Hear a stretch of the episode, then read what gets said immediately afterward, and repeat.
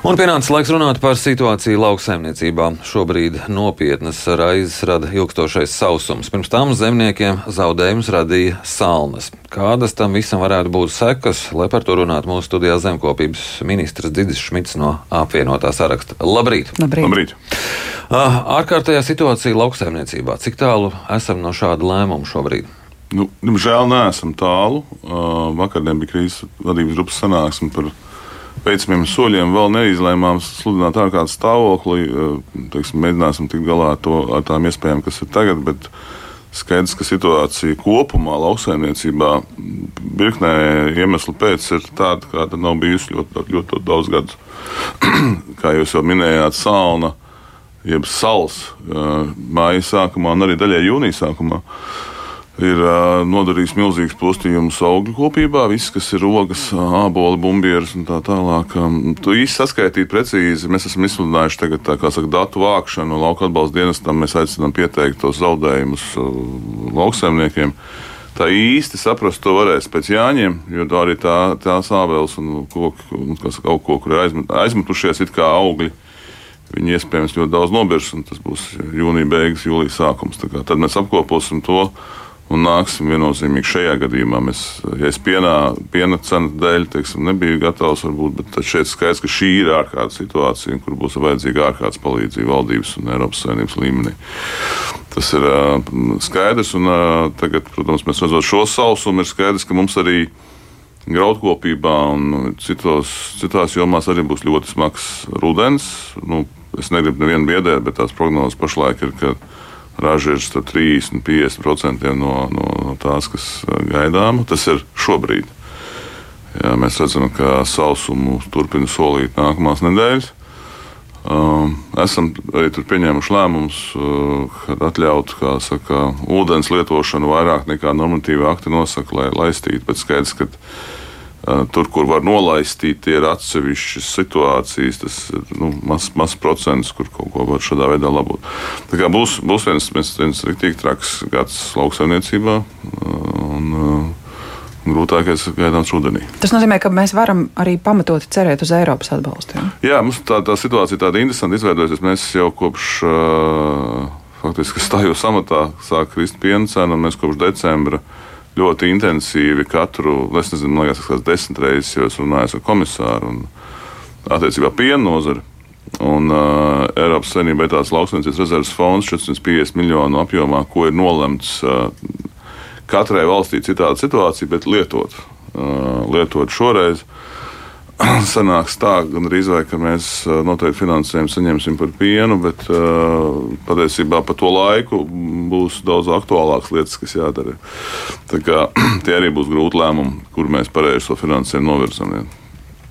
Tā kā, Uh, viena lieta ir Eiropas finansējums, bet es domāju, ka šī reize, kad, uh, šī reize, kad uh, lai cik es teiksim, biju atturīgs tajā, ka mums katrā krīzē jāskan pakaļ valsts naudu, uh, šī ir ārkārtas situācija virknē, virknē iemeslu pēc, es domāju, ka mums būs jālemj arī nacionālā līmenī par atbalstu noteikti sniegšanu. Mēs nedrīkstam pieļaut situāciju, ka pēc šīs krīzes mūsu lauksaimniecība ir vājāka nekā pirms izpratnē, ka aiziet no, no lauksaimniecības kaut kāda noteikta sektora, kas, kas nesa iepriekš peļņu. Nu, kā, kā, kā es saku, lai govs laukt, viņi kaut kad ir jābaro arī. Ja, ja mēs saskaitām visu kopā, šis ir brīdis, man liekas, kur mums jāsniedz atbalsts. Nu, tad droši vien gaidām Jāņus un pēc Jāņiem to skaidrāko skatījumu. Nu, tad varētu arī būt tā ārkārtējās situācijas izsludināšana. Es vienkārši Mums arī vakar bija diskusija par ārkārtas situāciju.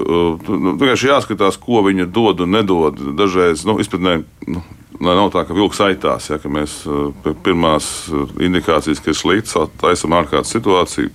Paši līdz galam nesaprotam, ko tad viņa dos. Izklausās labi, ārkārtas situācija. Bet, Līdzīgi kā pienā man arī aicināja ārkārtas situāciju ieviest, bet uh, nu, viņi nav ārkārtas. Cenu kritums nav ārkārtas situācija. Ja mēs tādu ieviešam, mēs patiesībā pasakām visiem, ka mums ir smagas problēmas.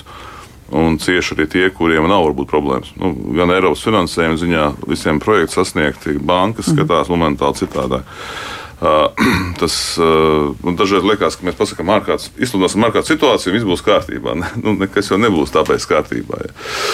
Ārkārtas situācija, mēs redzam, nu, ir kaut kādi normatīvie akti, kas, teiksim, kavē jā, palīdzības sniegšanu, tad mēs viņus sludināsim. Ja, bet, Būsim arī atklāti. Ja, nu, skaidrs, ka uh, visi rīkojas atbilstoši apstākļiem, tā skaitā pašvaldības un tā tālāk. Ja mēs redzam, ka ir Uh, lai izglābtu saimniecību vai kādā brīdī pārkāptu kādu formālu normatīvu aktu, godīgi sakot, es domāju, viņi tiek arī pārkāpti.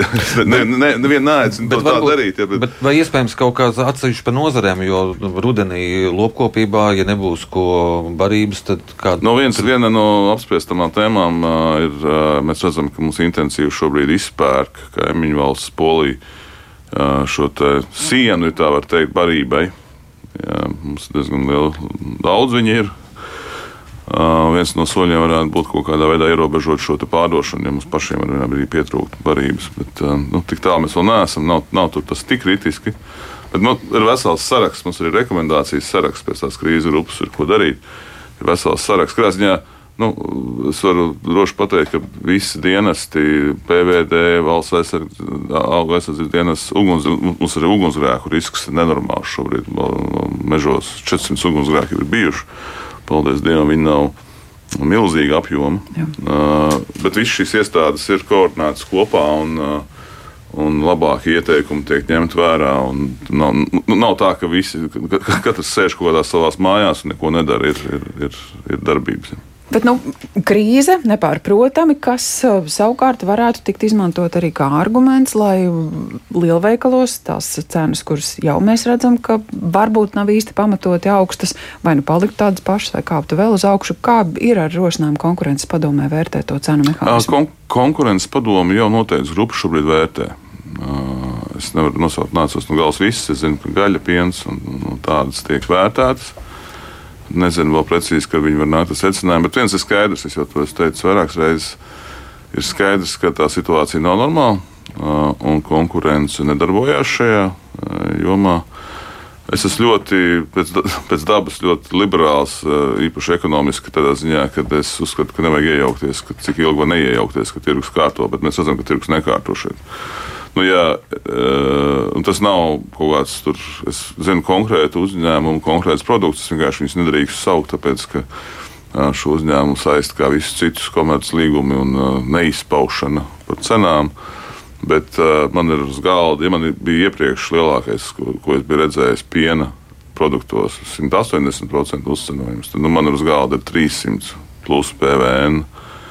Jā, pie tam tādās produktu grupās kas ir pamatgros un īpaši masturīgajā sabiedrības daļā, nu, kā mhm. manā, kā, kā, kā grūbas. Kā.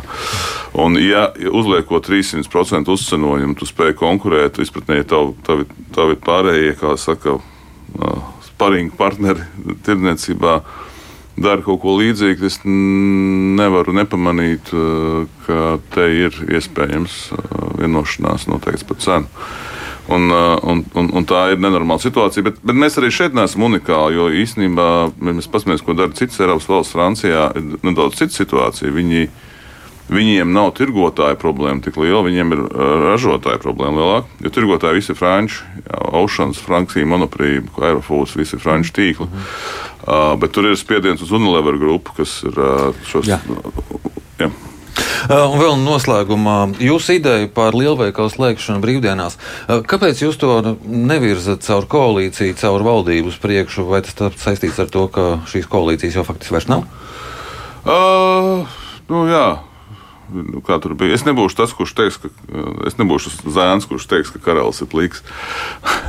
bet, bet es zinu, ka premjerministrs ir nu, to publiski teicis, ka viņš neatbalsta. Ja, un, līdz ar to es varu, protams, taisīt teātri un virzīt viņus ar valdību, kur, kur premjerministrs neatbalsta. Un otra iespēja ir virzīt savu saimu uzreiz. Mēs tagad arī esam pārdomās, mūsu likuma projekts ir gatavs. Mēs varētu viņu virzīt pēdējā pirms svētku sesijā uz saimu nākošais nedēļa. Bet uh, viss šī nestabilitāte koalīcijā, kas rada nestabilitāti valdībā un nestabilitāti saimā, vienkārši man negribētu to ideju nogremdēt tikai tāpēc, ka pašlaik tur neviens nespēja sarunāties cilvēkiem. Bet tad tas jūsu vērtējums, ka valdības koalīcija ir viena un saimā ir cita koalīcija? Es domāju, ka tādas īstas koalīcijas nav šobrīd. Jā. Ir uz papīra teorētiski mums ir koalīcija, praktiski mēs redzam, ka. ka kā lai saka, viss, kas, viss, viss gars, kas bija ielikts līgumā, ir sen jau pārkāpts. Un, un, un viss uz čemodāna. Un vienkārši tiek tēlots, ka, tiek tēlots, ka līgums vēl ir. Jā.